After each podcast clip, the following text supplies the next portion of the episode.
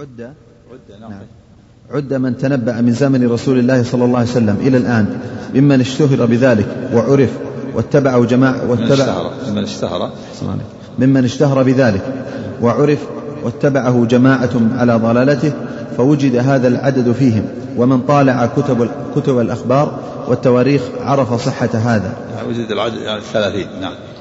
وقال الحافظ قد ظهر مصداق ذلك في زمن النبي صلى الله عليه وسلم فخرج مسيلمة الكذاب باليمامة والأسود, والأسود العنسي باليمن وفي خلافة أبي بكر طليحة بن خويلد في بني أسد بن خزيمة وسجاح في بني تميم. نعم ولكن طليحة تاب و... وعاد إلى الإسلام وكذا سجاح وقالوا إنها تابت. وأما الأسود العنسي فقتل على كفره وكذلك مسيلمة الكذاب قتل على كفره نعوذ بالله. نعم. السلام عليكم.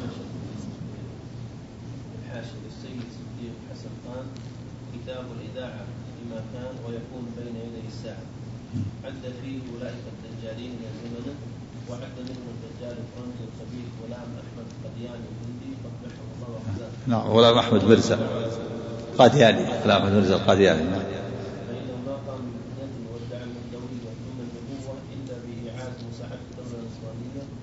وإلى الآن إلى الآن له أتباع وله حتى نشتبه على بعض الناس يعتبرونهم من الأقليات المسلمة. وهم وهم كفار والعياذ بالله. يصدقون غلام أحمد مرزا قادياني في الهند يقدسون بلدة قاديان ولهم كعبة. هناك نسأل الله العافية.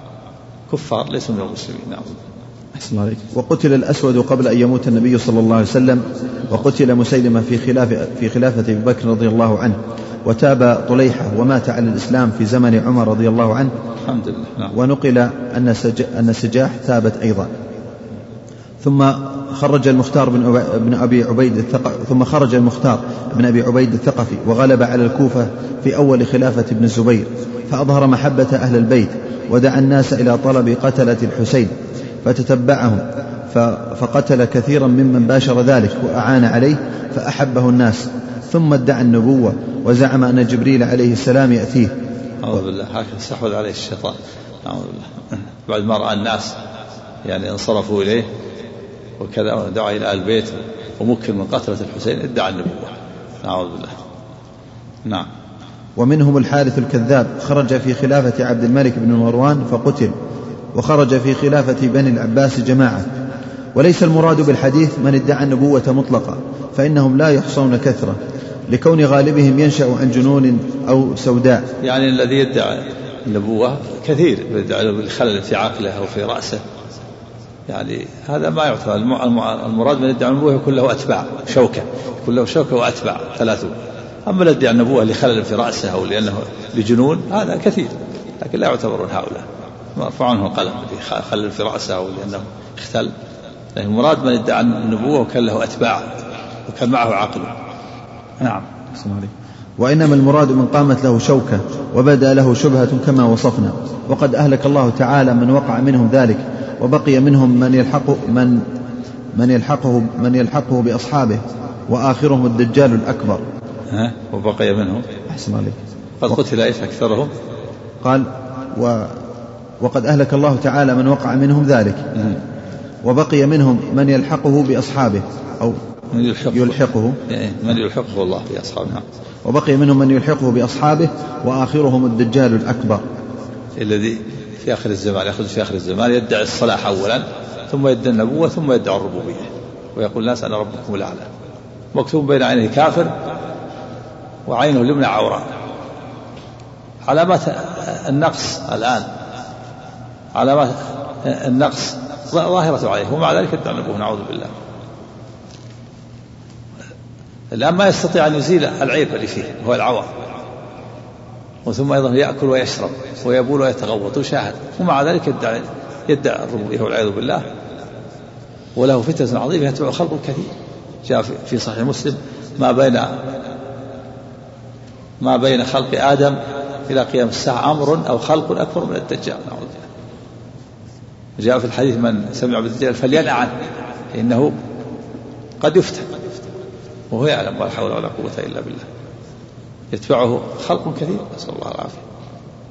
ولهذا أمرنا في كل صلاة أن نستعيذ بالله من فتنة المسيح الدجال. نعم.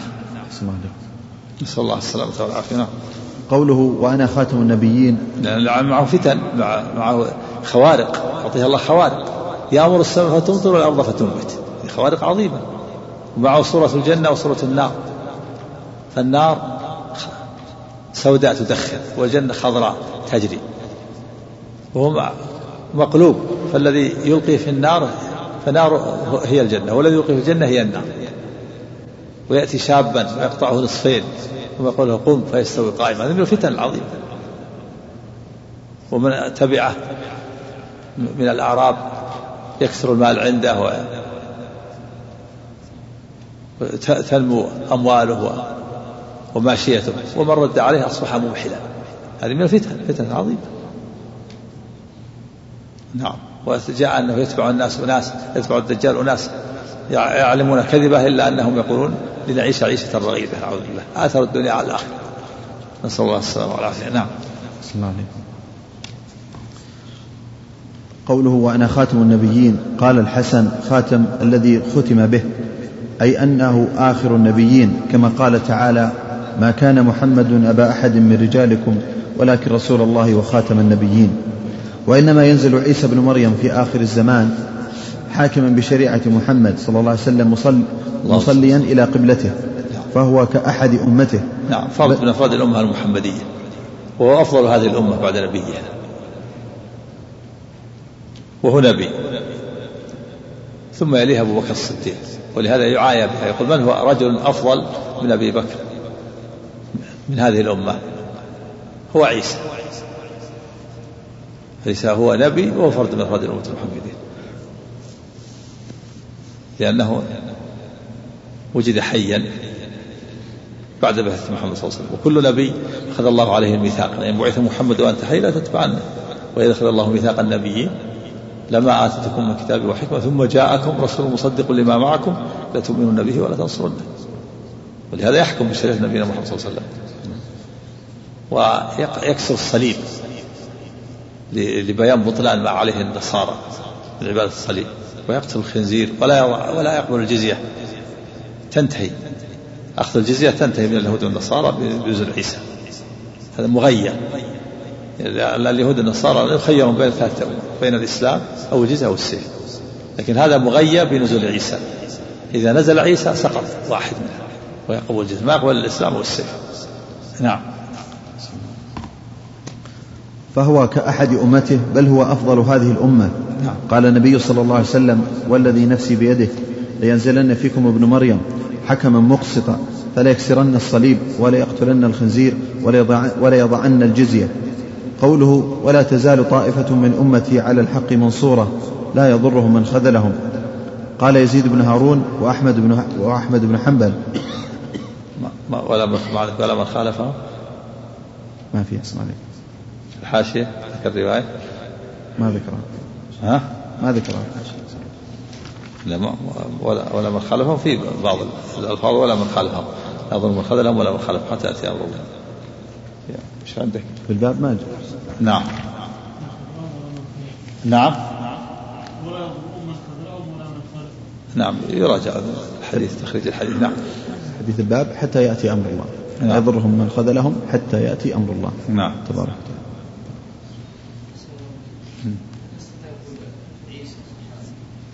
نعم. أي نعم. ينطبق عليه إنه نبي وصحابي وفر هذه الأمة.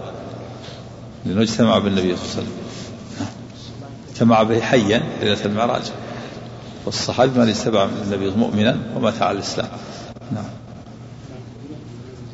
نعم. منزلته رجل صالح. رجل صالح. و أمير عادل حاكم العادل. يحكم بشريعة النبي من سلالة فاطمة. اسمه كاسم النبي صلى الله عليه وسلم وكنته كنته محمد بن عبد الله المهدي. نعم. جاء في أحاديث بعضها صحيح وبعضها ضعيف وبعضها حسن. وثابت اعتقاد بعضهم تبلغ حد التواتر في مجموعها. نعم.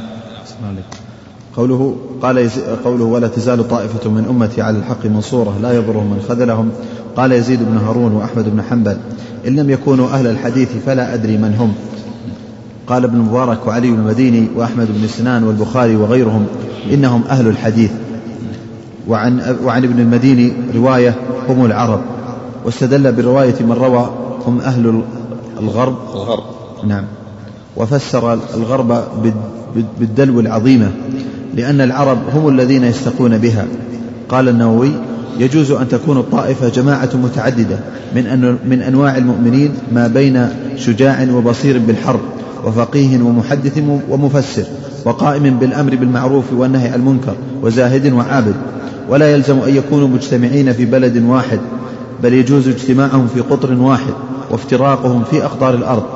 ويجوز أن يجتمعوا في البلد الواحد وأن يكونوا في بعض دون بعض منه ويجوز إخلاء الأرض من بعضهم أولا فأولا إلى أن لا يبقى إلا فرقة واحدة ببلد واحد. فإذا انقرضوا جاء أمر الله انتهى ملخصا مع زيادة فيه قاله الحافظ. نعم. طائفة المنصورة مقدمة أهل الحديث ويتبعهم كل من استقام على طاعة الله كل من وحد الله وأخلص له العبادة واتبع النبي صلى الله عليه وسلم فهو من الطائفة المنصورة. لكن مقدمة أهل الحديث. ومنهم المحدث والفقيه. قد يكون من الطائفة المنصورة مزارع يكون حراث يكون نجار سباك دحال خراز. لكن مقدمتهم أهل الحديث. ولهذا قال الإمام أحمد إن لم يكونوا أهل الحديث فما أدري من هم يعني أنهم هم مقدمتهم أهل الحديث. ويتبعهم غيره من قد يكون تاجر هو من الطائفة المنصورة. نعم. أحسن عليكم. وهم كما كما يزيدون وينقصون وقد يكونوا متفرقين وقد يكونوا مجتمعين ولا تخلو الأرض منهم إلا في آخر الزمان إذا جاءت الريح الطيبة وقالت الروح المؤمنين المؤمنات بعد ذلك تقوم الساعة على الكفرة نعوذ بالله. نعم. بسم الله قول على الحق منصورة. إيه؟ لا يدل هذا على الجهاد جهاد لا, لا منصور النصر عام منصور بالبيان والحجة و... و... و... والجهاد النصر عام هم منصورون لظهور الحق الذي معهم ولثباتهم واستقامتهم على الحق وعدم مبالاتهم بالباطل. هذا نصر. نعم. شيء. هم لا هم الطائفة المنصورة هم هم الفرقة الجانية وهم السنة والجماعة. واحد. وصف هذا الطائفة المنصورة هم هم هم أهل الحق وهم أهل السنة والجماعة. نعم. قال القرطبي وفيه هم, هم فرقة الناجية. نعم. اسمع قال القرطبي وفيه دليل على أن الإجماع حجة لأن الأمة إذا اجتمعت فقد دخل دخل فيهم الطائفة المنصورة. فلا يجتمع على ضلال نعم. قال المصنف وفيه الآية العظيمة أنهم مع قلتهم لا يضرهم من خذلهم ولا من خالفهم والبشارة بأن الحق لا يزول بالكلية. هذه بشارة وهذا هذا نصر هذا نصرهم. من نصرهم أنهم لا يضرهم من خذلهم ولا من خالفهم. نعم. قلت واحتج به الإمام أحمد على أن الاجتهاد لا ينقطع ما دامت هذه الطائفة موجودة. الحمد لله. نعم. قوله حتى يأتي أمر الله الظاهر أن المراد به ما روي من قبض من بقي من المؤمنين بالريح الطيبة ووقوع الآيات العظام. نعم هذا هو المراد. يعني قبيل قيام الساعة. قبلها بقليل نعم. قول قال ثم لا يبقى إلا شرار الناس. وبعضها حتى تقوم الساعة. حتى تقوم الساعة المراد حتى يقرب قيام الساعة. حتى يقرب قيام الساعة. نعم. قال ثم لا يبقى إلا شرار الناس كما روى الحاكم. أن عبد الله بن عمرو رضي الله, رضي الله عنهما قال لا تقوم الساعة إلا على شرار الخلق. هم شر أهل الجاهلية. فقال عقبة بن عامر لعبد الله اعلم ما تقول. وأما أنا فسمعت النبي صلى الله عليه وسلم يقول قال من؟ أحسن عليك. قال كما روى الحاكم أن عبد الله بن عمرو رضي الله عنهما قال لا تقوم الساعة إلا على شرار الخلق. نعم. هم شر أهل الجاهلية. نعم. فقال عقبة فقال عقبة بن عامر لعبد الله رضي الله عنهما اعلم ما تقول. وأما أنا فسمعت النبي صلى الله عليه وسلم يقول لا تزال عصابة من أمتي يقاتلون على أمر الله ظاهرين لا يضرهم من خالفهم حتى يأتي حتى تأتيهم الساعة وهم على ذلك فقال عبد الله ويحك فقال عبد الله ويبعث الله ريحا ريحها المسك ومسها مس الحرير فلا تترك أحدا في قلبه مثقال ذرة من إيمان إلا قبضته ثم يبقى ثم يبقى شرار الناس فعليهم تقوم الساعة. وفي صحيح مسلم لا تقوم الساعة حتى لا يقال في الأرض الله الله. وعلى هذا فالمراد بقوله في حديث عقبة وما أشبهه حتى تأتيهم الساعة ساعتهم وهي وقت موتهم بهبوب الريح ذكره الحافظ. وقد اختلف في محل هذه الطائفة. حتى تأتيهم الساعة ساعة موتهم.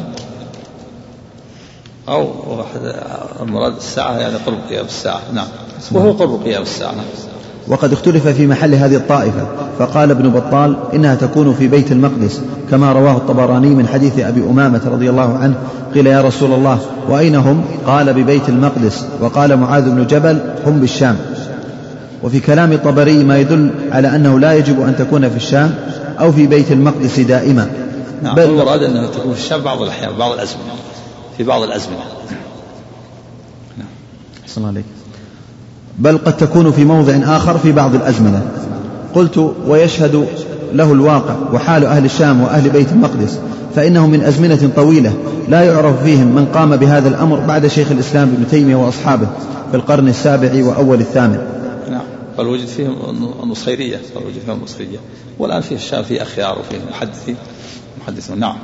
فإنهم على الحق يدعون إليه ويناظرون عليه ويجاهدون فيه وقد يجيء من أمثالهم بعد وقد يجيء من أمثالهم بعد بالشام من يقوم مقامهم بالدعوة إلى الحق والتمسك بالسنة والله على كل شيء قدير.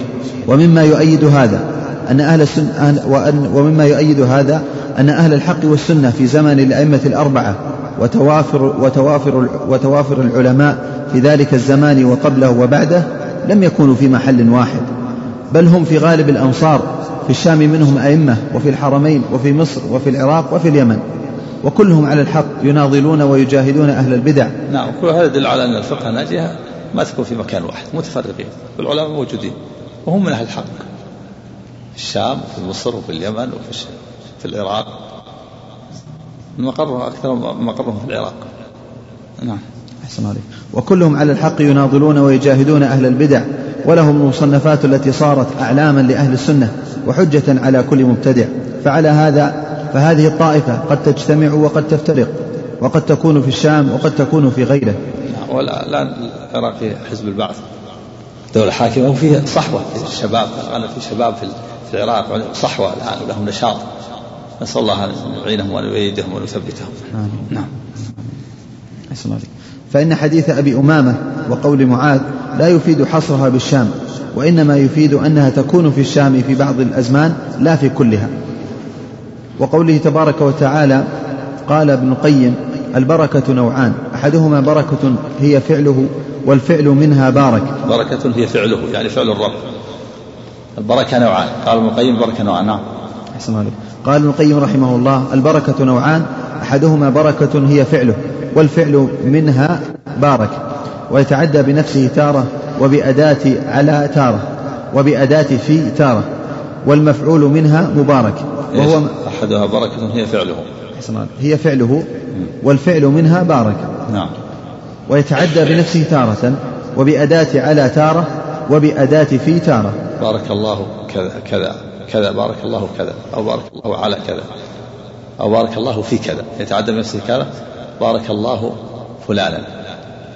أو بعلى بارك الله على فلان أو بارك الله في فلان. نعم. والمفعول منها مبارك. وهو ما جعل منها كذلك فكان مباركا بجعله تعالى. كما قال عيسى وجعلني مباركا أينما كنت. نعم. والنوع الثاني بركة تضاف إليه إضافة الرحمة والعزة والفعل منها تبارك ولهذا لا يقال لغيره ذلك ولا يصلح إلا له عز وجل. النوع الأول بركة هي فعل. والنوع الثاني بركة تضاف إليه إضافة الصفة الموصوف. والنوع الثاني؟ والنوع الثاني بركة تضاف إليه إضافة الرحمة والعزة. نعم إضافة الصفة الموصوف صفة وصف نعم. والفعل منها تبارك. ولهذا لا يقال لغيره ذلك ولا يصلح إلا له عز وجل. نعم ما يقال لغيره تبارك. تبارك خاص سبحانه وتعالى تبارك الذي بيده الملك. تبارك الذي جعل في السماء بروجا. فهو المتبارك وعبده المبارك. هذا غلط بعض العامة. بعض العامة يقول إذا أزارهم تباركت علينا هذا غلط. ما ينفع ما يقال تباركت علينا بل يقال تحصل البركة من مجيئك. أو أنت مبارك. هذه توجد عند العامة إذا أراد. بعض الأخوان وبعض الطيبين قال تبارك علينا تزورنا في تبارك علينا غلط. ينهى عنها كان أيضا الناس قديما أيضا يغلطون بعض الجهال. من قديم كان أحدهم يسوق الدابة وجعلك تبارك جعلك الله تبارك يسوق الدابة هو الحمار فإذا تأخر على المشي أو كذا قال زجره وكذا وقال جعلك تبارك. هذه من الأخطاء الشائعة. كذا. تبارك ما يقال إلا بجانب الرب. نعم. طيب كل بركة إذا كان في بركة البركة اللي جعلها الله فيك. نعم. أحسن عليك قال هذا. من بركتك يعني البركة التي جعلها الله فيك. كما قال عباد بن بشر وسيد بن حضير لعائشة لما نزلت آية السلام ما هي بأول بركتكم يا آل أبي رحمك الله. نعم. أحسن عليك ولهذا لا يقال لغيره ذلك ولا يصلح إلا له عز وجل فهو سبحانه المبارك. نقف على تبارك نقف على تبارك. بقي قليلا. مع مع مع المسائل. ونبدأ بالدرس الثاني. نعم. نعم. فعله هي فعله. لا لا لا خطأ فعله. سم نعم. أسئلة عن طريق الشبكة.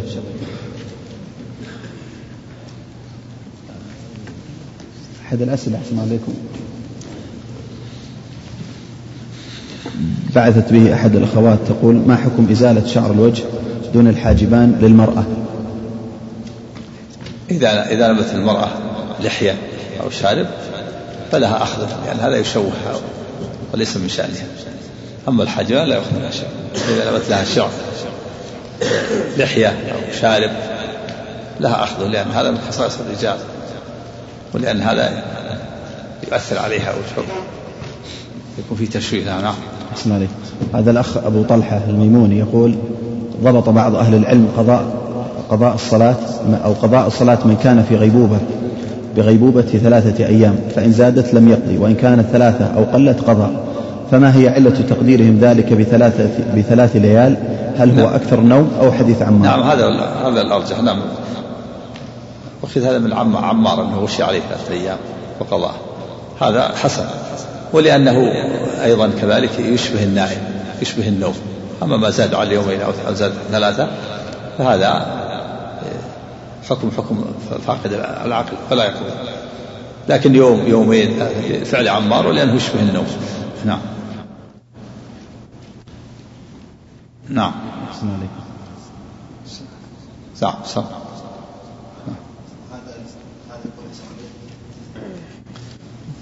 ما حكم مسح الوجه باليدين بعد الدعاء؟ هذا جاء في حديث ضعيف. الحديث في مسح اليدين ضعيف كلها ضعيفة. لم يأتي في الأحاديث الصحيحة. ينبغي الترك وإذا فعل بعض الأحيان فلا حرج لأن الحافظ بن حجر رحمه الله قال في البلوغ قال الحديث وإن كان ضعيفا بعضه يشد بعضا.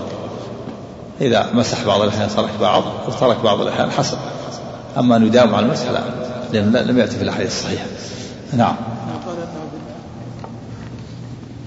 لما قال نظرا لكون الحديث يعني ضعيفة لكن في نظر يفعل بعض الأحيان الحديث وإن كما قال حافظ بن حجر قد يقال يشد بعضها بعضا. نعم. هذا يقول ما حكم قول تبارك للفائزين كذا؟ تبارك للفائزين كذا. مثل بعض المدارس أو ما يصلح تبارك لا. تبارك بالمبارك ها؟ يعني تبارك. نعم. تبارك. مثلا إدارة المدرسة تبارك للناجحين. إيه. من المباركة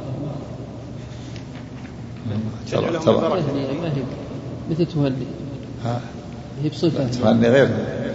أحسن أن تكون تبارك. تبارك لهم. قال الله تعالى هو المتبارك وعبده المبارك. تبرك. تحتاج إلى تعامل نعم. أحسن عليك. هذا سائل يقول هل الشرك أحد أنواع الكفر؟ وهل كل كافر مشرك؟ وهل هناك شعب من الكفر؟ نعم الشرك والكفر هو الشرك فالمشرك مشرك لأنه أشرك مع الله غيره في عبادته ويسمى كافر لأنه جحد الحق وتوحيد الله. والكافر الذي جحد توحيد الله مشرك لأنه عبد الشيطان وأطاع الشيطان. فالكافر مشرك والمشرك كافر. نعم. أحسن عليك هذا يقول هل يجوز الإعلام في عن عن المفقودات في المسجد؟ لا. المكبر؟ لا لا يعلم هذا من آه، من إنشاد الضالة. ولكن يكتب إعلان خارج المسجد أو يتكلم خارج المسجد. نعم. أحسن عليك له سؤال آخر يقول الأفضل لمن أراد معرفة رجال الحديث الميزان أو التقريب وهل يكفي تهذيب التهذيب؟ تقريبا مختصر. يراجع عدة كتب الميزان والتهذيب وتهذيب الكمال والجرح والتعديل لأبي حاتم وغيره. يجمع كتب الرجال. التهذيب طيب تهذيب الكمال مع الميزان. لكن قد لا يكفي أحيانا. نعم. أحسن عليك هذه سائلة عن طريق الشبكة تقول متى تشرع صلاة الاستخارة؟ وهل هي فيما يحتار في عمله أم في كل عمل ينوي القيام به؟ وماذا بعد أن يصليها؟ في الأشياء المشكلة فيما يشكل. في الأشياء المشكلة اللي ما يتبين يشرع الإنسان. أما الشيء الواضح الشيء الواجبات ما يستشير فيه يصلي الجماعة هو يصلي الجماعة أو يصوم رمضان أو يصوم رمضان هذه واجبات أو يحج أو لا يحج إلا إذا كان الطريق مخوف. لكن الأشياء المشكلة كان الزواج تزوج بفلان أو فلان تزوج بفلان تقدم عليه تستخير الله. مع مع الاستشارة استخارة واستشارة. إذا أراد أن يشارك في يدخل في عمل في شركة أو بيع أو ما أشبه ذلك ولم يظهر له وجه الحق والصواب فإنه يستخير ويكرر الاستخارة حتى يتبين له أحد الأمرين أو الأمرين حتى يشرح صدره ويستخير. نعم. السلام عليكم. وهذا سائل رمز الاسم البحر يقول هل النذر صار عبادة؟ لأنه لا يتم الوفاء بالنذر الذي هو عبادة إلا به. النذر عبادة لأنه يتعبد يوفون بالنذر ويخافون لأن الإنسان يتعبد الله بهذا النذر. النذر عبادة التي تقرب بها إلى الله فلا تصرف لغيره نعم والله تعالى مدح الموفين بالنذر يوفون بالنذر الأبرار. وما أنفقتم من نفقة أو نذرتم من نذر فإن الله يعلمه هي عبادة نعم. ها؟ بعد بعد بعد السلام. قال يصلي أحدكم ركعتين ثم ثم ليأخذ ثم تفيد التراخي. بعد بعد أن يصلي ركعتين يرفع يديه. نعم. السلام عليكم هذا أحد الأخوة يقول لا تنسوا الدعاء لإخواننا في أفغانستان والشيشان وغيرهم والدعاء على الظلم. نعم نسأل الله أن ينصرهم ويؤيدهم نسأل الله أن إخوان المجاهدين في كل مكان. نسأل الله ويؤيدهم على أعدائهم. نسأل الله أن ينزل في قلوبهم الطمأنينة والسكينة ولا يثبت أعداءهم ويمحقهم ويجعل يقذف الرعب في قلوبهم ويجعلهم غنيمة المسلمين نعم صلى الله. الرحيم. الحمد لله رب العالمين وصلى الله وسلم وبارك على نبينا محمد وعلى آله وصحبه أجمعين. قال الشيخ عبد الرحمن بن حسن رحمه الله تعالى وقوله تبارك وتعالى قال ابن القيم رحمه الله تعالى البركة نوعان أحدهما بركة هي فعله والفعل منها بارك ويتعدى بنفسه تارة وبأداة على تارة. وبأداة في تارة والمفعول منها مبارك وهو ما جعل منها كذلك فكان مباركا بجعله تعالى. وهو ما جعل منها؟ وهو ما جعل منها كذلك. نعم. فكان مباركا بجعله تعالى. والنوع الثاني بركة تضاف إليه إضافة الرحمة والعزة. باركه وبارك فيه تعدى بنفسه باركه وبارك فيه. ويتعدى أيضا بعلى. بارك عليه. بارك عليه وبارك فيه وباركه نعم. والنوع الثاني بركة تضاف إليه إضافة الرحمة والعزة والفعل منها تبارك ولهذا لا يقال لغيره ذلك. فتكون صفة من صفاته. بركة فتكون صفة. تضاف إلى إضافة العزة والعلم والرحمة والقدرة. والبركة تضاف إليه تكون صفة من الصفات. نعم. يعني تكون البركة نوعا فعل فعله أو صفته. والفعل وصفه سبحانه وتعالى. بالخلق والرزق. هذا فعله سبحانه وتعالى. نعم. ولا يصلح إلا له عز وجل. فهو سبحانه المبارك وعب وهو فهو سبحانه المبارك وعبده ورسوله المبارك. كما قال المسيح عليه الصلاة والسلام واجعلني مباركا أينما كنت. فمن بارك الله فيه وعليه فهو المبارك.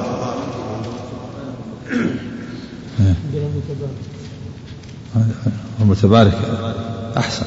هو سبحانه المتبارك كما قال تبارك الذي بيده الملك. تبارك. عندك بدون مبارك. عليه تعالى هذه النسخة ما فيها. ها؟ ما عليه تعليق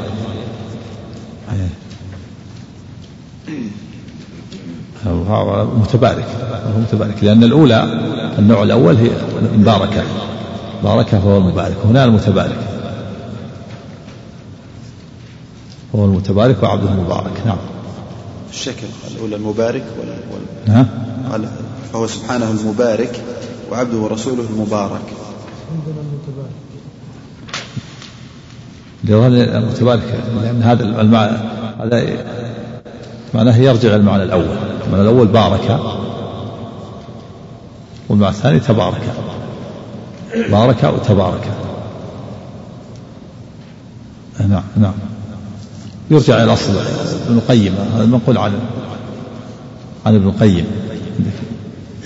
ما أشار إليه؟ نعم نعم. نعم.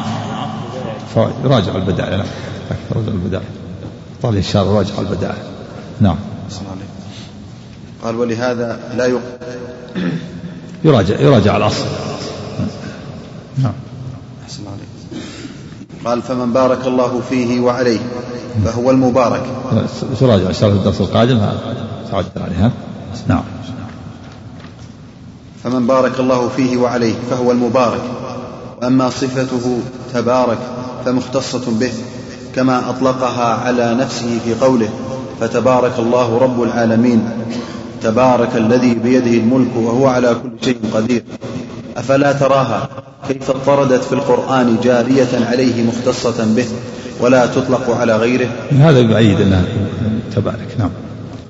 الآيات نعم. وجاءت على بناء السعة والمبالغة كتعالى وتعاظم ونحوه. كذلك تبارك مثل تعالى وتعاظم. نعم. فجاء بناء تبارك على بناء تعالى. الذي هو دال على كمال العلو ونهايته. فكذلك تبارك دال على كمال بركته وعظمتها وسعتها. وهذا معنى قول من قال من السلف تبارك تعاظم. وقال ابن عباس جاء بكل بركة. نعم. وهذا لا يطلق إلا على الله سبحانه وتعالى. فهو متبارك وعبده مبارك.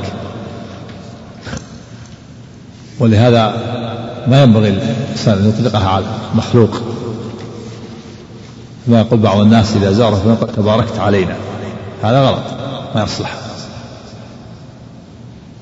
بل يقال تحصل البركة من زيارتك أو حصلت البركة أو أنت رجل مبارك أو فيك بركة أو هذا من بركتك التي جعله الله فيك إذا كان إذا كان شخص فيه خير. وحتى هذا الغلط فيه من قديم. حتى كان الناس من قديم. كان بعض العامة يسوق الحمار فإذا تأخر عن المشي قال جعلك تبارك جعلك تبارك. هذا غلط هذا من أغلاط العامة هذه كلمة لفظ تبارك لا يقال لك جناب الرب وصفه سبحانه وتعالى. نعم. قال المصنف رحمه الله تعالى فيه مسائل. الأولى تفسير آية النساء. نعم. الثانية تفسير آية المائدة.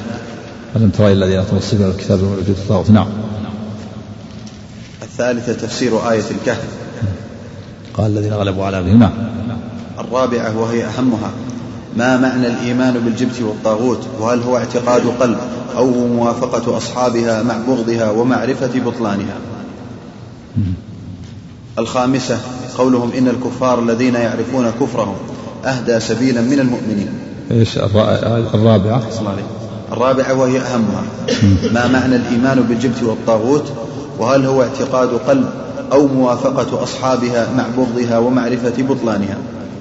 نعم إذا إذا وافق أصحابها مثله. إذا وافق أصحابها ولو كان يعرف. ما تكفي المعرفة وحدها فإذا وافقهم بقلبه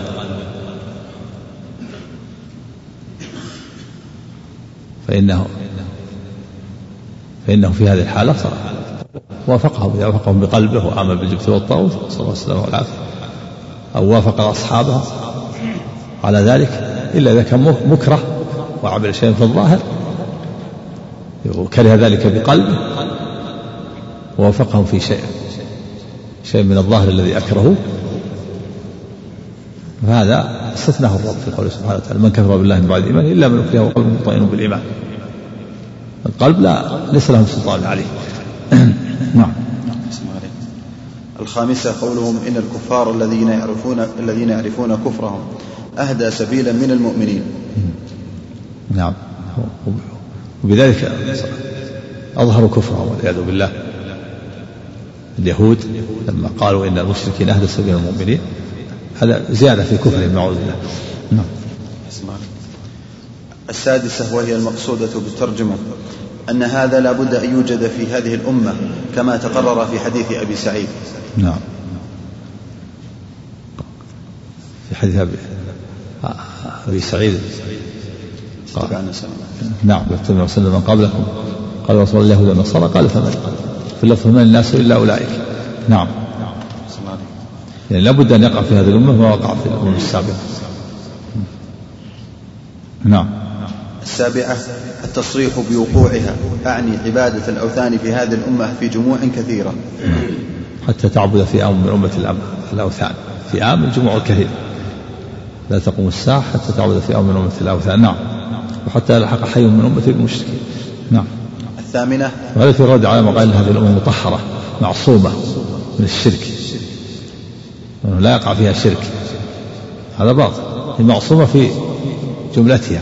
لا تطبق على الشرك. أما الشرك فهو واقع. نعم.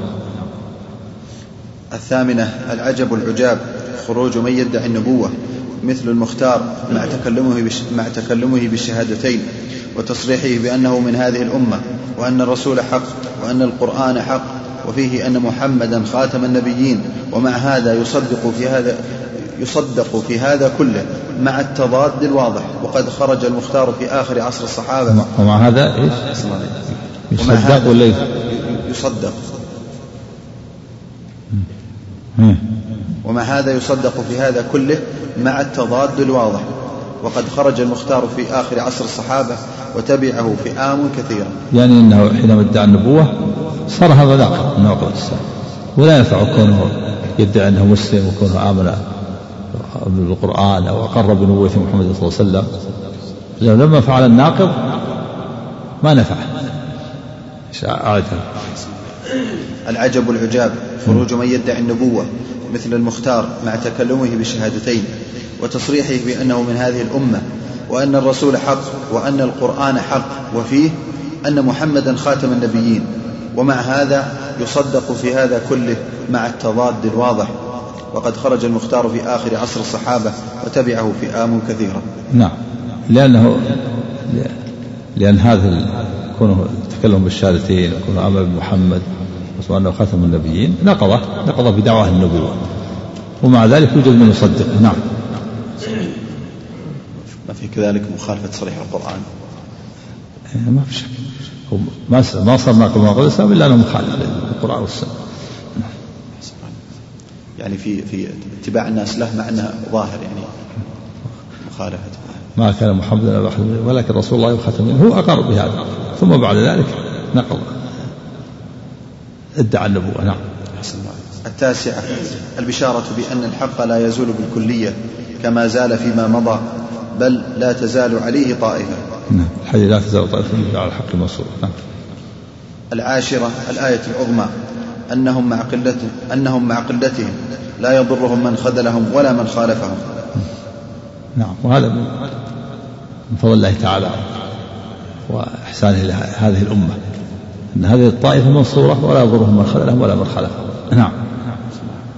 لكن لا تقل وتكثر تكون تكون متنقلة. وتكون أيضا متفرقة. لا يلزم أن تكون في مكان واحد. نعم. الحادية عشرة. أن ذلك الشرط إلى قيام أن ذلك الشرط إلى قيام الساعة. والمراد إلى قرب قيامها. إلى مجيء الريح الطيبة.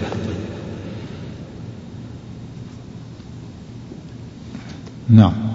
الثانية عشرة ما فيهن من الآيات العظيمة. منها إخباره بأن الله زوى له المشارق والمغارب وأخبر بمعنى ذلك فوقع كما أخبر بخلاف الجنوب والشمال. وإخباره بأنه أعطي الكنزين وإخباره بإجابة دعوته لأمته في في الاثنتين, في الاثنتين وإخباره بأنه منع الثالثة وإخبار يعني حينما دعا ألا يكرم الله من فوقهم والثاني من تحتهم والثالثة ألا يجعل بأسهم بينهم منعها. أعطي أن لا يهلكهم الله من فوقهم ولا من تحتهم والثاني من تحتهم والثالثة سأل الله لا يجعل بأسهم بينهم فمنع من ذلك. وعلم أن القتال بين المسلمين موجود. نعم. إيه. قال قال زويت فرأيتم مشارقها ومغاربها ولم يكن جنوبها وشمالها. صار اتساع من جهة الشرق والغرب.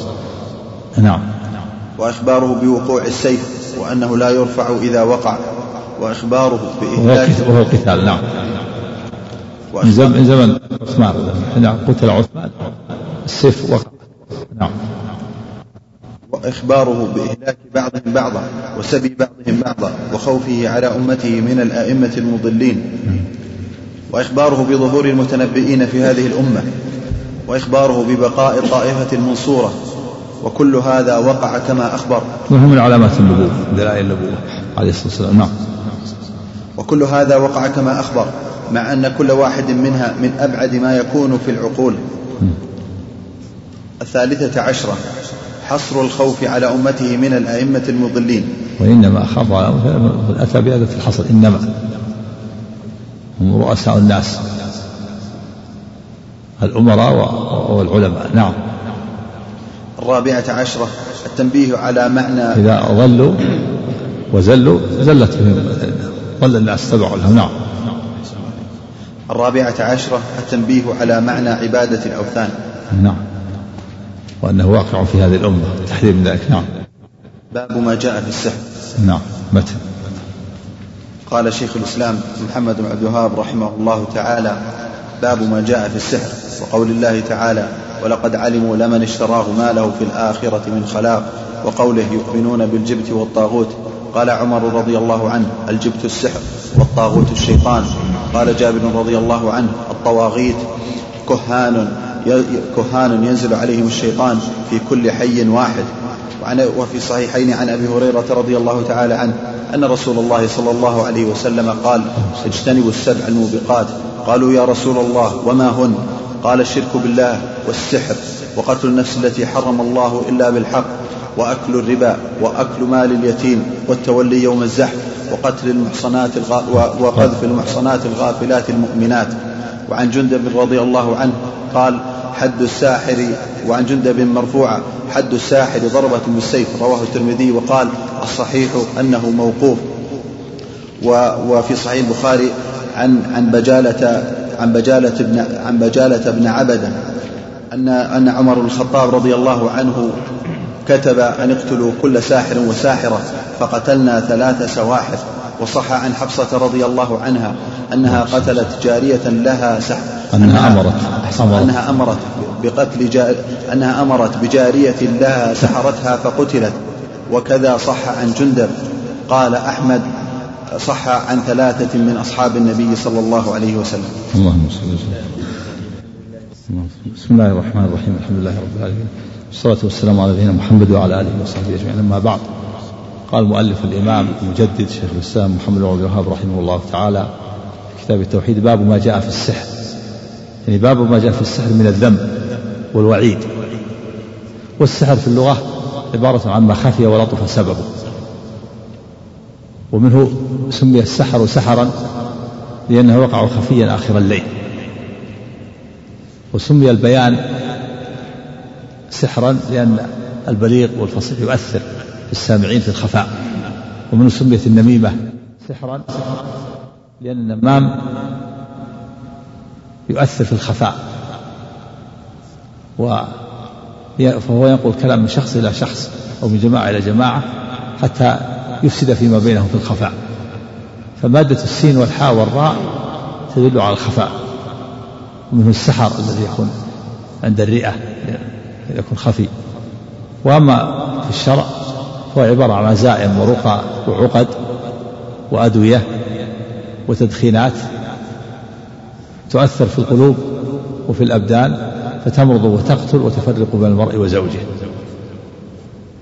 هذا هو عبارة عن عزائم ورقى وعقد رحمك الله وأدوية وتدخينات وسقي أشياء تؤثر في القلوب تارة والأبدان تارة بالقتل وتارة بالمرض. وتارة بالتفريق بين المرء وزوجه. والسحر الذي يتصل صاحبه بالشياطين كفر لا يكون إلا بالكفر.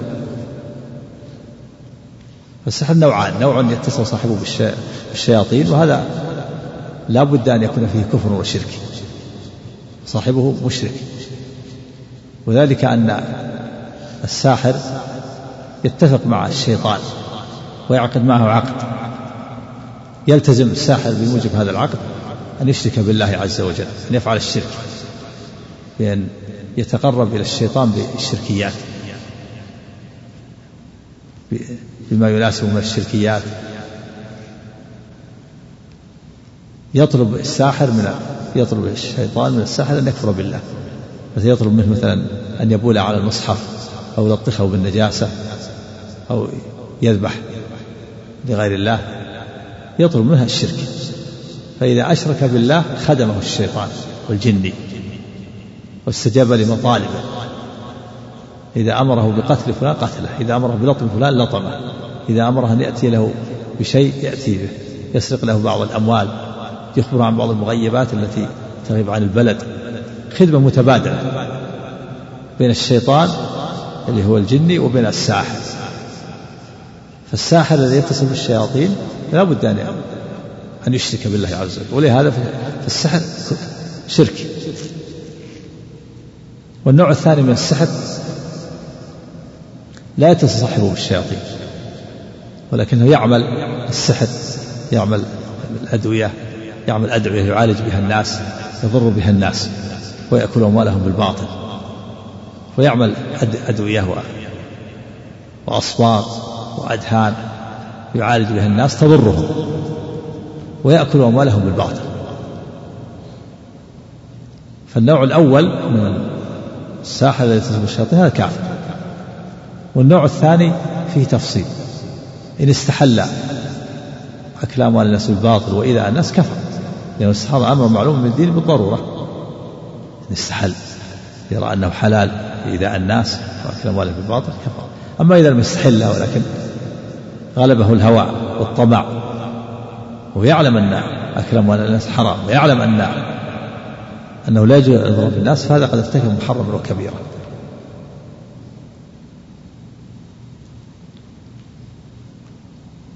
اختلف العلماء في في حكم الساحر.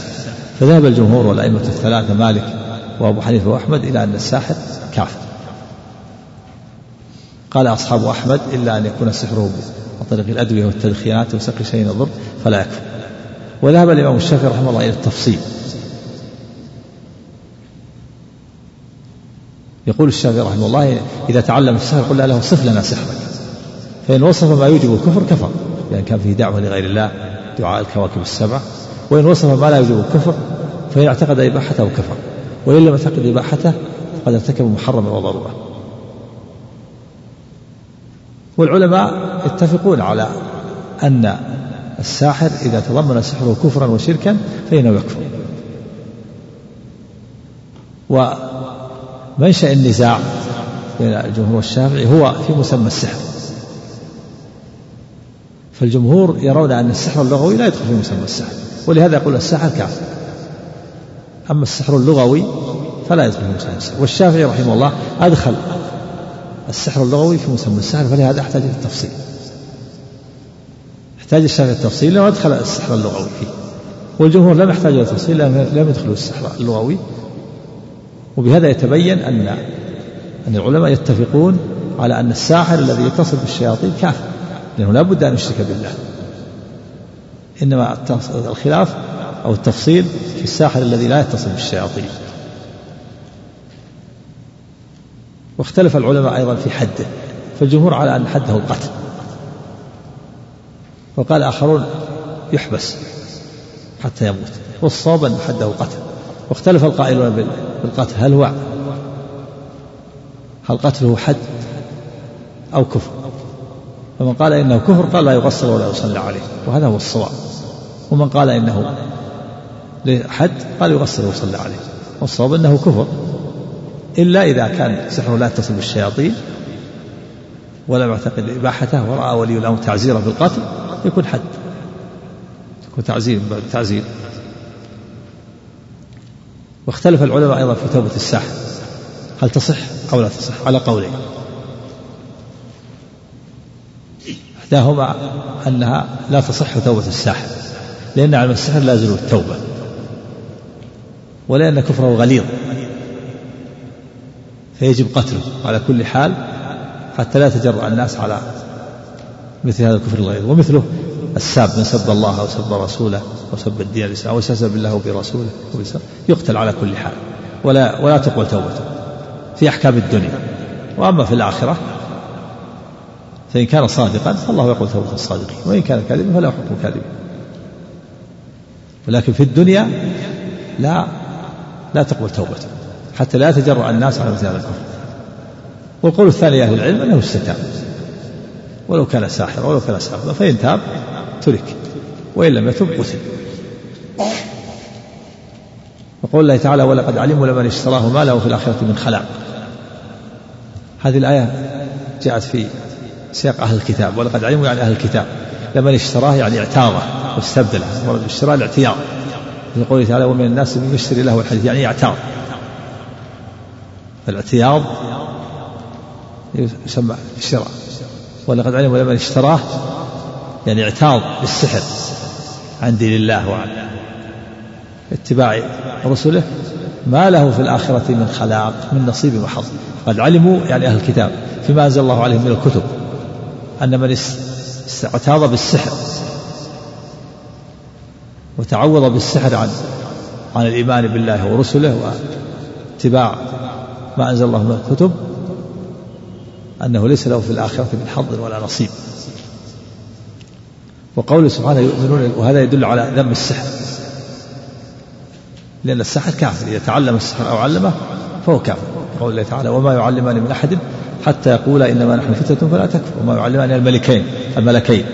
وما يعلمان من أحد حتى يقولا إنما نحن فتنة فلا تكفر. يعني فلا تكفر بتعلم السحر.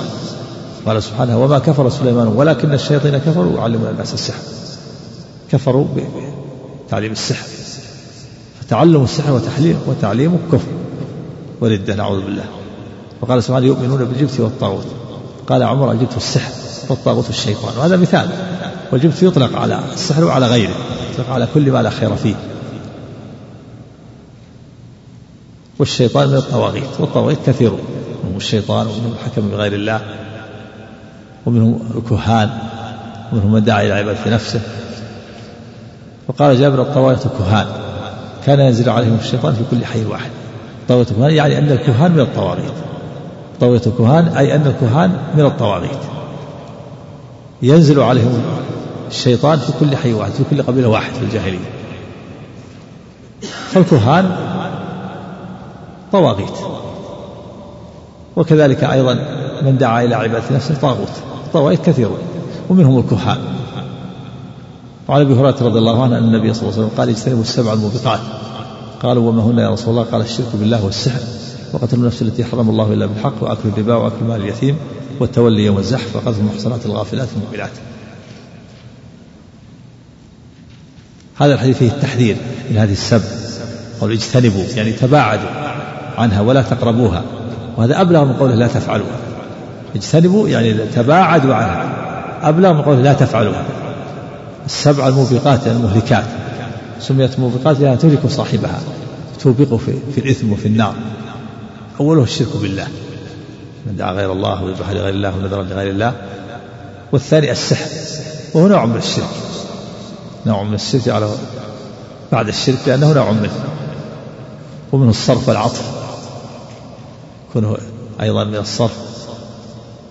يعمل السحر سحر المرأة. فإذا يسحرها فترى زوجها في صورة قبيحة تنفر منه. أو يسحر الرجل فيرى زوجته في صورة قبيحة حتى تحصل فراق بينهما. ولو كانت من أجمل الناس ولو كانت جميلة يراها في صورة قبيحة بسبب السحر الصرف. وبالعكس العطف يعمل سحر للمرأة فترى زوجها في صورة حسنة أو الرجل في صورة حسنة يحصل الألف ومنه التولة شيء يصنعون يحب المرأة إلى زوجها والرجل إلى امرأته. الصرف والعطف من من السحر. وقتل النفس التي حرم الله إلا بالحق من الكبائر السبع وليس كفرا القتل إلا إذا استحل. إلا بالحق يعني إلا إذا فعل واحدا من الثلاث الذي جاء في حديث ابن مسعود. لا يحل دم المسلم إلا بإحدى الثلاث سيب الزاني والنفس بالنفس والتارك لدين المفارق للجماعة يحل القتل بأحد من الثلاثة. إذا ارتد أو قتل عمدا عدوانا أو زنا وهو محصن. وأكل الربا من الكبائر العظيمة وأكل مال اليتيم والتولي يوم الزحف يعني الفرار من صف القتال. إذا وقف الإنسان في صف القتال ليس له أن يفر ويخذل إخوانه فإذا فر فقد ارتكب كبيرة من كبائر الذنوب. وفي هذه الحالة يجب عليه الجهاد. هذه من الحالات التي يجب. إذا وقف في الصف وجب عليه الجهاد. وإذا استنفره الإمام وجب الجهاد. وإذا هدم العدو إذا داهم العدو بلدا من بلاد المسلمين وجب عليه القتال. هذه الثلاث يجب. ولا ولا يستأذن الوالدان في هذه الثلاث. وبعد ذلك فهو مستحب التولي والزحف وقال في المحصنات الغافلات المؤمنات يعني رمي رمي المحصنة العفيفة البريئة التي لا تخطر الفاحشة ببالها يرميها بالزنا. ومثله رمي المحصن. هذا من الكبائر.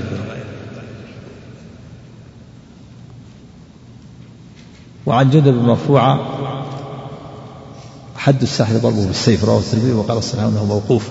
لأن الصحيح موقوف على جندب يروي ضربه وروي ضربة بالسيف بالتاء أو بالهاء.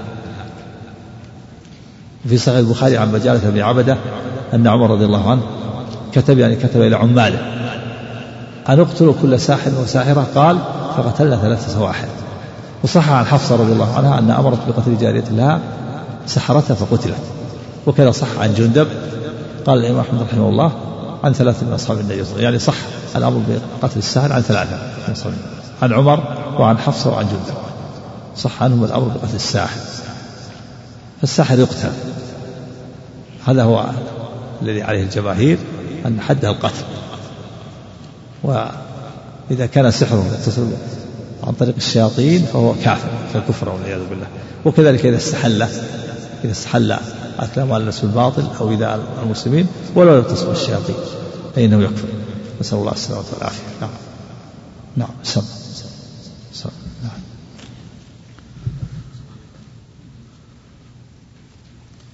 يقول فضيلة الشيخ حفظكم الله ما هي السنة في صيام شهر شعبان؟ وهل يقام ليلة النصف من شعبان؟ ثبت في الحديث الصحيح.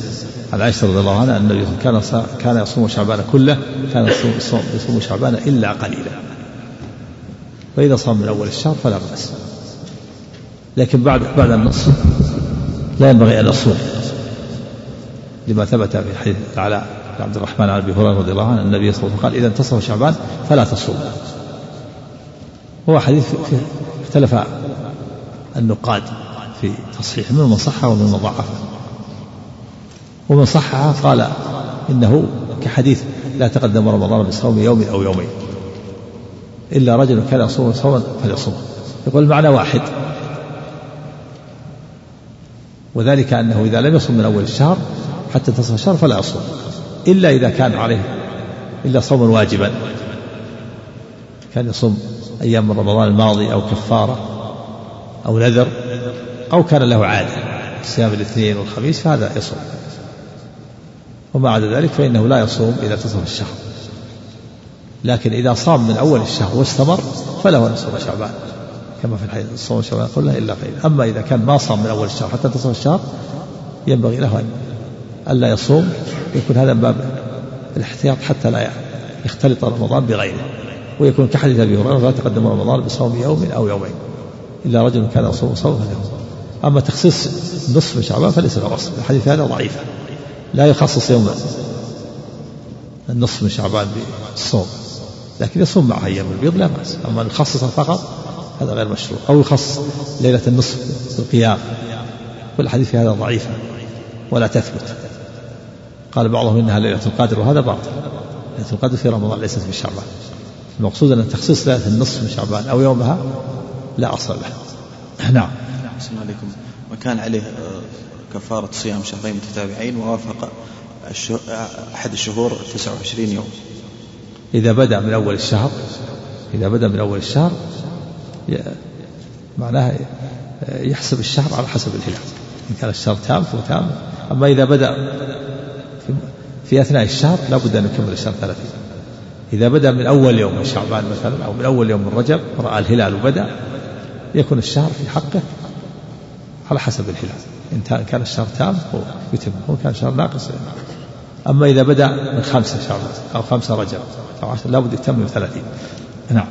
صلى الله عليك هذا سؤال يقول فضيلة الشيخ في الحديث ولا تقوم الساعة حتى يلحق حي من أمتي بالمشركين هل وقع هذا وهل القحطاني الذي يخرج يكون بعد عيسى عليه الصلاة والسلام أو قبل أو قبل ذلك؟ وهل اسمه قحطاني أو أنه ينتسب إلى قحطان؟ الله أعلم. قحطاني. أما هذا حلقة حي من أمة المشركين هذا واقع. أقول وقع وسيقع قديما وحديثا. لحوق. بعض الناس المشركين هذا واقع. أما القحطاني فالله أعلم. قبل عيسى وبعد نعم. صلى الله عليه وهذا يقول على القول المعروف في الأحاديث أن المهدي أولا ثم ينزل عيسى. ولا أعلم أن القحطاني يكون بعد عيسى. بعد عيسى تتتابع آه، أشراط الساعة الكبار وهذا يأجوج ومأجوج ثم تتابع. نعم.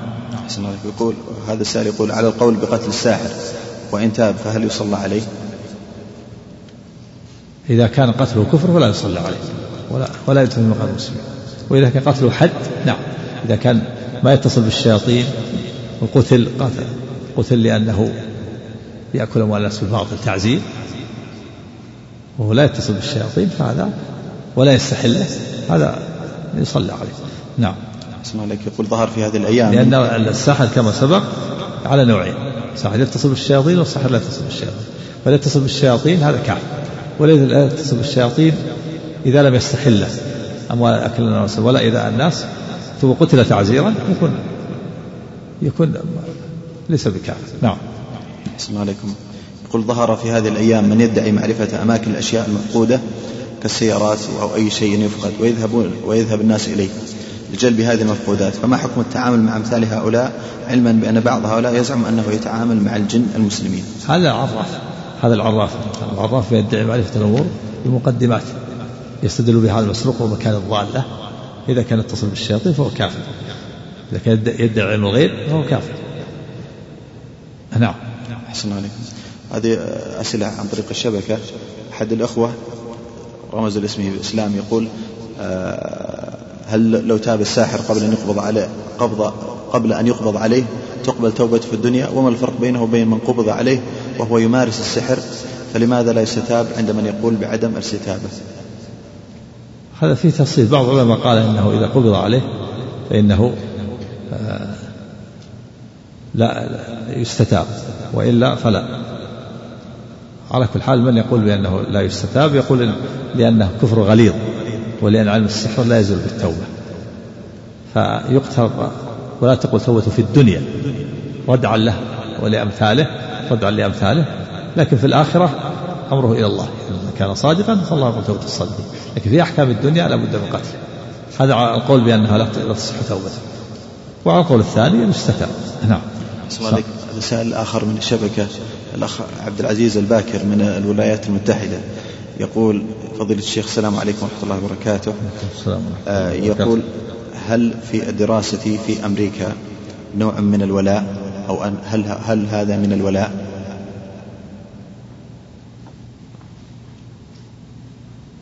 لا مسألة الولاء الولاء المحبة لكن ينبغي الإنسان ألا يبقى يعني يكون يبقى مدة ما ينبغي له أن يبقى إلا إذا كان داعية أو في المراكز الإسلامية له تأثير. أما أن يبقى هكذا فلا ينبغي الإنسان أن يبقى في بلاد الكفار إلا إذا كان بين المسلمين وأشبه المسلمين ويدعو إلى الله كثر المسلمون صار بينهم. نعم.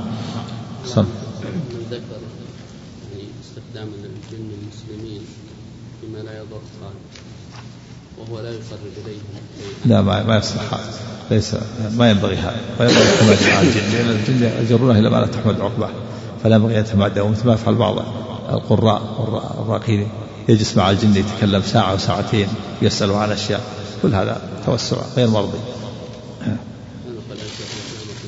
نعم.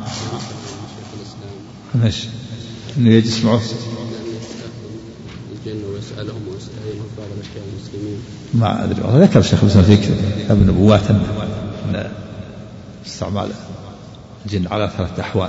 ذكر منها أعظمها دعوتهم إلى الله وهم المعروف والنهي عن المنكر والثاني استعمال في أمور مباحة فهو مباح.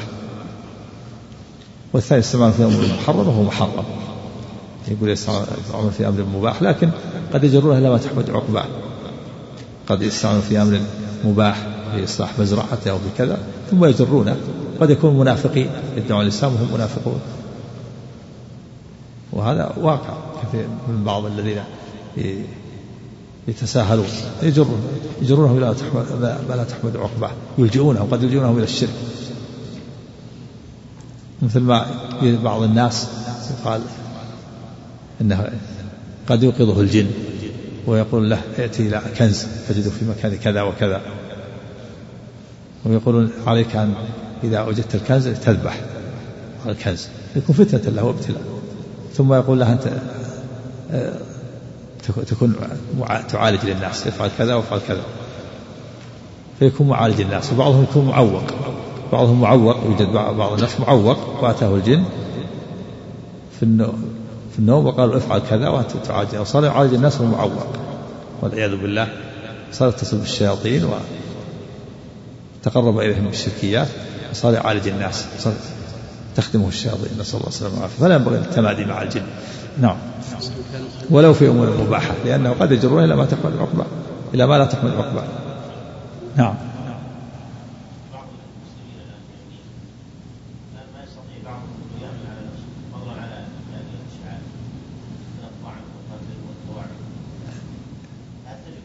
نعم يجب.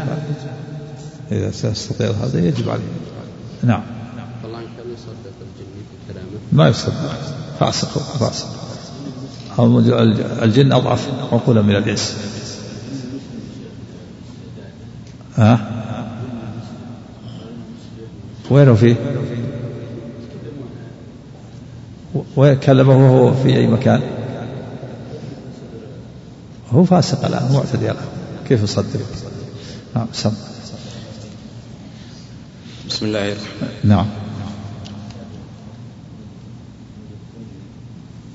ثم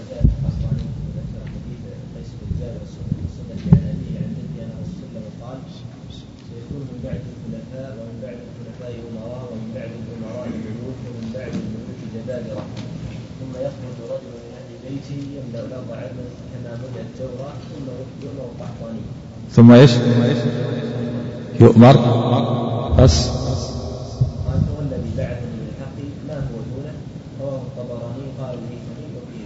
لم يعرفه. إيه ضعيف. كيف؟ ثم يؤمر. قحطاني هو واضح. يعني يخرجون من البيت المهدي. ثم يؤمر كذا. ثم يؤمر. قحطاني بالخروج. هذا في افتحاف افتحاف الجماعة. الله أعلم. نعم. سم. بسم الله الرحمن الرحيم. الحمد لله رب العالمين. صلى الله وسلم وبارك على نبينا محمد وعلى آله وصحبه أجمعين. قال الشيخ عبد الرحمن بن حسن رحمه الله تعالى باب ما جاء في السحر. قال المصنف رحمه الله تعالى باب ما جاء في السحر أي والكهانة. السحر في اللغة عبارة عما خفي ولطف سببه ولهذا جاء في الحديث إن من البيان لسحرا وسمي السحر سحرا سمي السحر سحرا وسمي السحر سحر وسمي السحر سحرا سحرا سحرا لأنه يقع خفيا آخر الليل. يعني المعنى اللغوي مادة السين والحاء والراء تدل على الخفاء. السحر في اللغة عبارة عن الشيء الخفي عما خفي ولطف سببه الخفي والذي سببه لطيف. يسمى سحر عبارة عن ما خفي ولطف سببه ومنه من المعنى اللغوي قول النبي إن من البيان للسحر. وذلك لأن الفصيح والبليغ يؤثر في السامعين في الخفاء وهم لا يشعرون. فالخطيب الفصيح والبليغ يقنع السامع بفكرته ويجتذبهم إليه وهم لا يشعرون. هذا يسمي سحر لأنه يؤثر في الخفاء. يجتذبك من قوة بيانه وأسلوبه.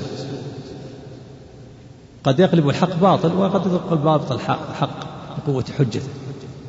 ومنه قول قول النبي صلى الله عليه وسلم في الحديث إنكم تختصمون إلي ولعل بعضكم أن يكون ألحن بحجة من بعض فأقضي له بنحو مما أسمع. حتى قد يؤثر على القاضي. قوة الحجة لكن قوة خصمين أحدهما ما عنده يعني قوة في الحجة والثاني عنده قوة. قد يغلب هذا. قد يؤثر حتى على القاضي.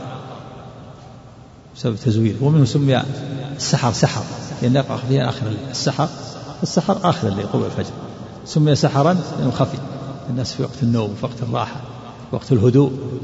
ولهذا سمي سحر. ومنه سميت النميمة سحر لأن يعني النمام يؤثر في, في الخفاء. يأتي إلى هذا ويأتي إلى هذا ويأتي إلى هذا يوقع بينهم العداء في الخفاء. فمادة السين والحاء والراء في اللغة العربية تدل على الخفاء. نعم. سبب لطيف يعني. غير يعني الشيء اللطيف يكون خفي. لطيف. يعني يؤثر باللطف. ما فيه في قوة حتى تنتبه. نعم.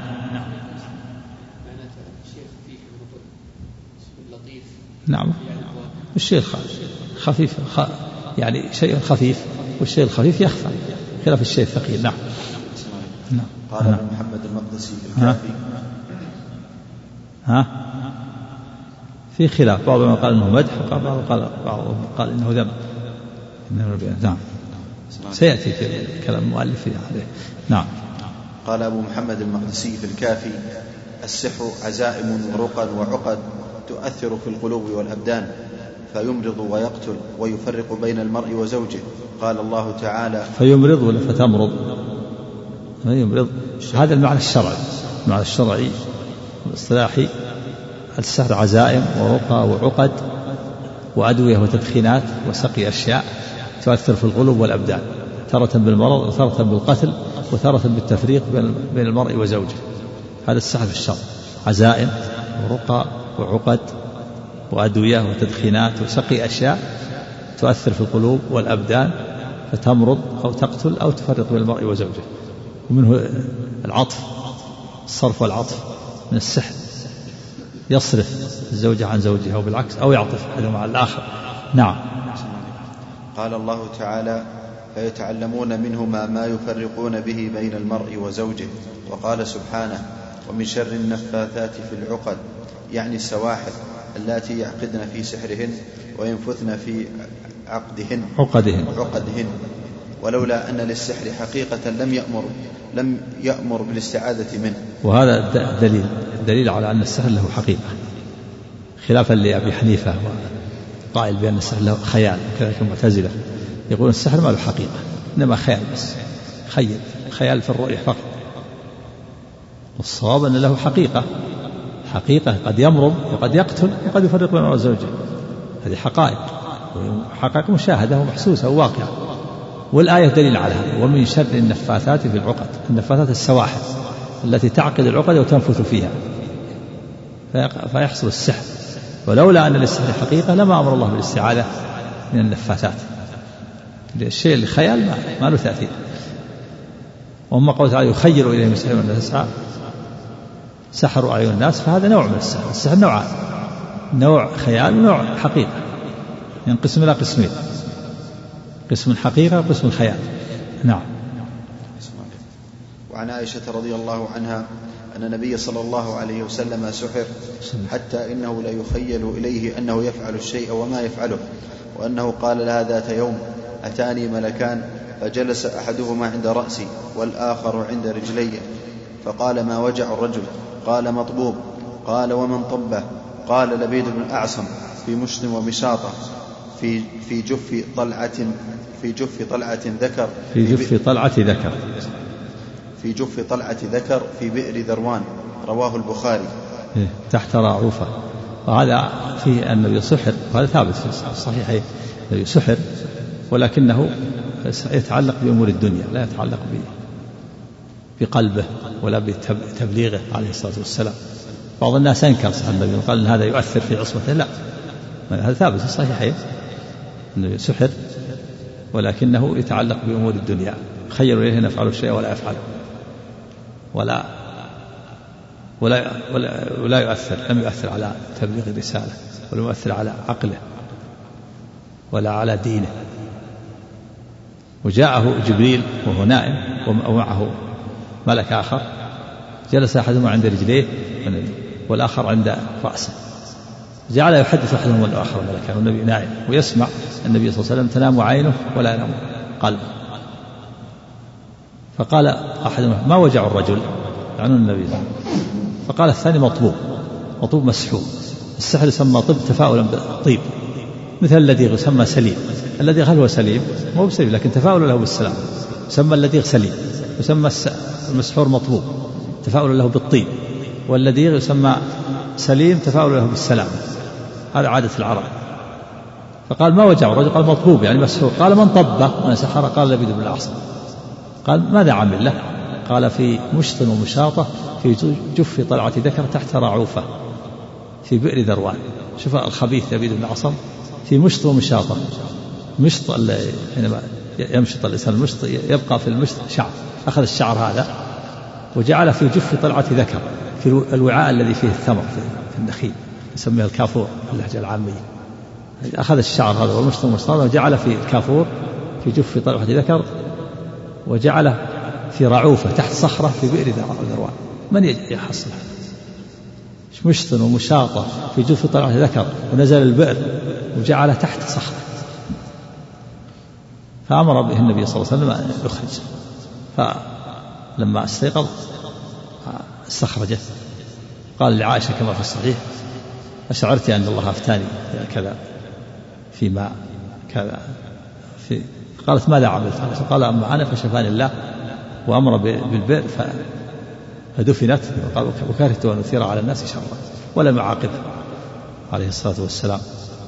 فأخرج السحر وأتلفه وأمر بالبئر فدفنت حتى لا يتكلم الناس فيها ولا كلام لا لا يريد إشاعة الخبر. والنبي صلى الله عليه وسلم لا لا ينتقل بنفسه لكن بعده عليه الصلاة والسلام كما أن الرجل اعترض اللي هو أصل الخوارج وقال اعدل يا محمد إن هذه قصة مولد بوجه الله قال يا عمر إذن لي يا رسول الله اقتله فلم يأذن له.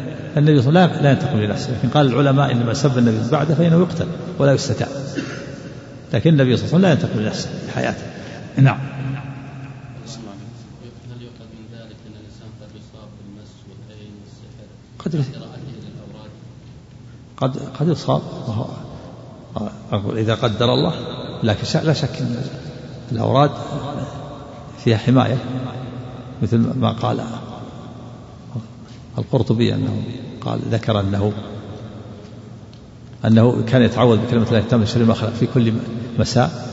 ثم لدغ أصابت لدغ ذات عقرب قال فتذكرت أني نسيت في تلك الليلة ما تعودت إذا جاء القدر جعل الله أسباب نعم. نعم. لا ينتقم لنفسه عليه الصلاة والسلام. قال أما أنا فشفاني الله وكرهت أن أثير على الناس شرا حتى البئر أمر بدفنها. ما يريد الإشاعة.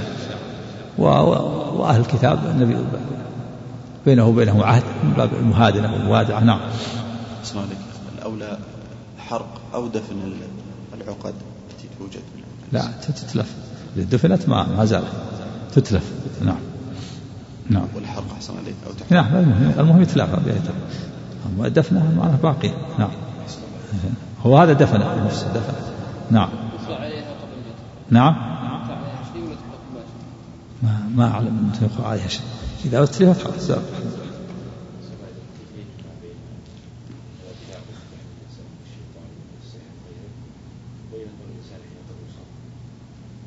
قد يصاب الله حكمة بالغة قد يصاب. قد يكون أخل بشيء من الأوراد.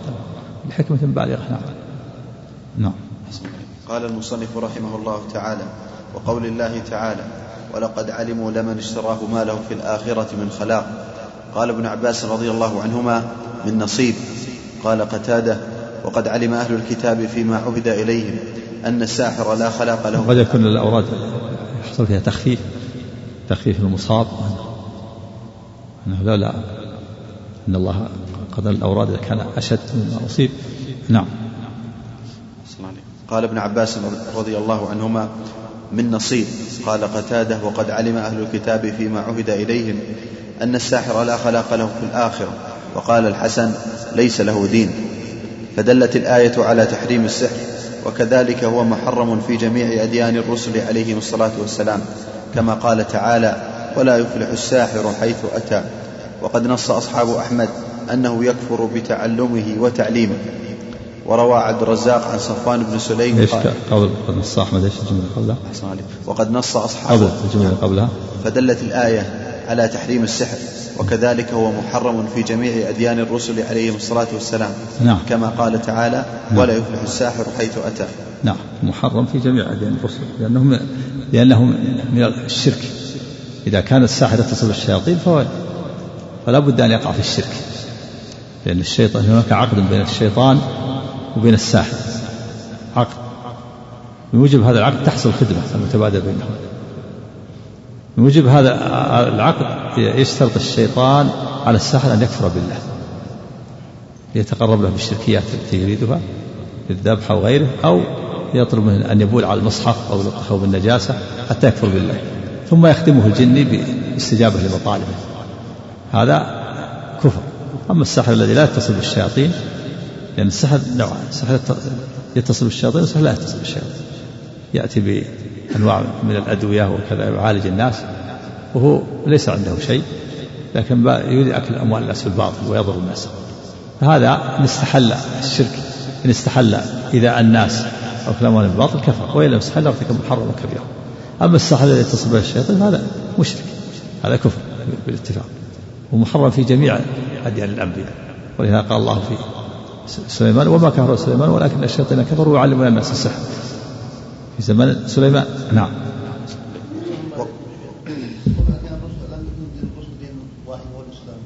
بلى دينهم واحد وهو الإسلام لكن الشرائع الشرائع. الشرائع مختلفة كما قال لكل جعلنا المراد الشرائع نعم. وإلى دين الأنبياء واحد كما قال نحن الانبياء ديننا واحد إخوة لعلات. كل الأنبياء دينهم التوحيد. توحيد وطاعة الله في كل زمان بما أمر في ذلك الوقت. هذا هو. هو دين الإسلام. هو دين الأنبياء جميعا. نعم. وقد نص أصحاب أحمد أنه يكفر بتعلمه وتعليمه. وروى عبد الرزاق عن صفوان بن سليم. وقد نص من؟ وقد نص أصحاب أحمد. نعم. أنه يكفر بتعلمه وتعليمه. نعم. لا شك. تعلم السحر وتعليمه كفر وما يعلم من أحد حتى يقول إنما نحن فتنة فلا تكفر. يعني فلا تكفر بتعلم السحر. نص الآية. نعم. وروى عبد الرزاق عن صفوان بن سليم قال رضي الله عنه قال قال رسول الله صلى الله عليه وسلم الله من تعلم شيئا من السحر قليلا كان أو كثيرا كان آخر عهده من الله وهو مرسل. إيه مرسل. نعم. وقد اختلفوا هل يكفر الساحر؟ تخريج. قال مصنف عبد الرزاق. ها؟ قال مصنف عبد الرزاق. موضوع؟ من يقول هذا؟ ها؟ شو اسمه؟ فقيه. حامد عن موضوع؟ يحتاج على كل حال الحديث الأخبار كافية نصوص كافية. نعم. وقد اختلفوا هل يكفر الساحر أو لا فذهب طائفة من السلف. وهنا عندك قال إيش تخريجه؟ قال مصنف عبد الرزاق نفس الحاجة. ها قال موضوع؟ نعم قال موضوع. قال فيه إبراهيم أبي يحيى الأسلمي. الأسلمي؟ أنا كل حال. الأدلة الأخرى كافية نعم. وقد اختلفوا هل يكفر الساحر أو لا فذهب, فذهب طائفة من السلف إلى أنه يكفر وبه قال مالك وأبو حنيفة وأحمد. قال أصحابه إلا أن يكون سحره بأدوية وتدخين وسقي شيء لا يضر فلا يكفر. وقال الشافعي إذا تعلم السحر قلنا له صف لنا سحرك فإن وصف ما يوجب الكفر. مثل, مثل, مثل ما اعتقده أهل بابل من التقرب إلى الكواكب السبعة وأنها تفعل ما ما يلتمس منها فهو كافر. وإن كان لا يوجب الكفر فإن اعتقد إباحته كفر انتهى. وقال سماه الله كفرا. قال يعني المؤلف ذكر الخلاف مذهب الأئمة الثلاثة أن الساحر كافر. مالك وأحمد وأبو حنيفة. قال أصحاب أحمد إلا أن يكون سحره بأدوية وتدخينات وسقية تضر فلا يكفر استثنوا هذا. والشافعي رحمه الله فصل. قال إذا تعلم السحر قل صف لنا سحرك. فإن وصف ما يوجب الكفر كفر كما يفعل أصحاب بابل باعتقاد أن التقرب إلى الكواكب السبعة وأن تفعل ما يلتمس منها فلا كفر وإن وصف ما لا يوجب الكفر فنسأله سؤال آخر. فنقول هل تعتقد تحريمه أو حله؟ فإن اعتقد تحريمه كفر. وإن قال اعتقد حلة فلا يكفر ارتكب محرم وكبير. والسبب منشأ الخلاف بين الأئمة الثلاثة والشافعي هو آه، اختلافهم في مسمى السحر. فالجمهور لم يدخلوا السحر اللغوي في مسمى السحر. والشافعي أدخل السحر اللغوي في مسمى السحر. ولهذا الجمهور ما احتاجوا أن يفصلوا. ما احتاجوا للتفصيل قالوا السحر المراد به السحر الشرعي الذي يتصل صاحبه بالشياطين. هذا يكفر على كل حال. والشافعي يوافق على هذا لأن لأنه يقول إذا تضمن السحر كفرا فهو يكفر. وأما الشافعي فأدخل في مسمى السحر السحر اللغوي. قال السحر قد يكون سحر لغوي وقد يكون سحر شرعي. فلذلك نستفصل نقول صف لنا سحر. إن كان السحر سحر لغوي هذا لا يكفر. وإن كان سحر سحر شرعي يتصل بالشياطين فهذا يكفر. أما إذا كان سحر لغوي نقول فيه تفصيل أيضا. إن, كان يعتقد إباحته كفر. وإن كان لا يعتقد إباحته فقد ارتكب محرم وكبير. وعلى هذا فلا خلاف بين الأئمة. الأربعة أنه إذا تضمن سحر الكفر فإنه يكفر هذا بالاتفاق. لكن سبب التفصيل ما هو؟ أو منشأ الخلاف؟ مسمى السحر. فالجمهور أخرجوا مسمى السحر اللغوي من مسمى السحر. والشافعي أدخل السحر اللغوي في مسمى السحر فاحتاج الشافعي إلى التفصيل ولم يحتاج الجمهور إلى التفصيل. واضح هذا؟ نعم. وقد سماه الله كفرا في قوله إنما نحن فتنة فلا تكفر وقوله وما كفر سليمان ولكن الشياطين كفروا. قال ابن عباس رضي الله عنه رضي الله عنهما في قوله إنما نحن فتنة فلا تكفر وذلك أنه ما علم الخير والشر والكفر والإيمان فعرف أن السحر من الكفر. قال المصنف رحمه الله تعالى وقوله يؤمنون بالجبت والطاغوت تقدم الكلام عليهما في الباب قبله وفيه أن السحر من الجبت قاله المصنف. قال المصنف رحمه الله الجبت هو الشيء الذي لا خير فيه. يشمل السحر وغيره؟ نعم. قال المصنف رحمه الله تعالى قال عمر رضي الله عنه الجبت السحر والطاغوت الشيطان. هذا الأثر رواه ابن أبي حاتم وغيره. قال المصنف رحمه الله تعالى وقال جابر رضي الله عنه الطواغيت كهان كان ينزل عليهم الشيطان في كل حي واحد. هذا نعم الجبت السحر يعني السحر من الجبت. والطاغوت الشيطان الشيطان طاغوت من الطواغيت. كذا قول جابر الطواغيت كهان يعني الكهان من الطواغيت. الكهان من الطواغيت الطواغيت تشمل الكهان وغيره. الطواغيت كهان يعني الكهان من الطواغيت. نعم. قال هذا الأثر رواه ابن أبي حاتم بنحوه مطولا عن وهب بن منبه. قال سألت جابر بن عبد الله عن الطواغيت التي كانوا يتحاكمون إليها. قال إن في جهينة واحدة وفي أسلم واحدة وفي هلال واحدة وفي كل حي واحدة. في إيش؟ هلال؟ كذا أحسن قبيلة هلال نعم. جهينة وأسلم قبائل هلال نعم. كل قبيلة كان نعم. وفي هلال واحدة وفي كل حي واحدة وهم كهان تنزل عليهم الشياطين. قوله قال جابر هو ابن عبد الله بن عمرو بن حرام الأنصاري رضي الله تعالى عنهما. قوله الطواغيت كهان أراد أن الكهان من الطواغيت فهو من أفراد المعنى. قوله كان ينزل عليهم الشيطان أراد الجنس لا الشيطان الذي هو إبليس خاصة بل تنزل عليهم الشياطين ويخاطبونهم ويخبرونهم بما يسترقونه من السمع فيصدقون مرة ويكذبون مئة. قوله في كل حي واحد. يعني الشيطان المراد إبليس. كان ينزل عنهم الشيطان ليس المراد الشيطان الذي هو إبليس أبو الجن المراد شيطان من الشياطين. نعم جنس. نعم. قوله في كل حي واحد الحي واحد الأحياء وهم القبائل أي في كل قبيلة كاهن يتحاكمون إليه ويسألونه عن الغيب. وكذلك كان الأمر قبل مبعث النبي صلى الله عليه وسلم. فأبطل الله ذلك بالإسلام وحرست السماء بكثرة الشهب. قال المصنف رحمه الله تعالى وعن أبي هريرة رضي الله عنه أن رسول الله صلى الله عليه وسلم قال اجتنبوا السبع الموبقات. قالوا يا رسول الله وما هن؟ قال الشرك بالله والسحر وقتل النفس التي حرم الله إلا بالحق. وأكل الربا وأكل مال اليتيم والتولي يوم الزحف وقذف المحصنات الغافلات المؤمنات. كذا أورده المصنف غير معزو وقد رواه البخاري.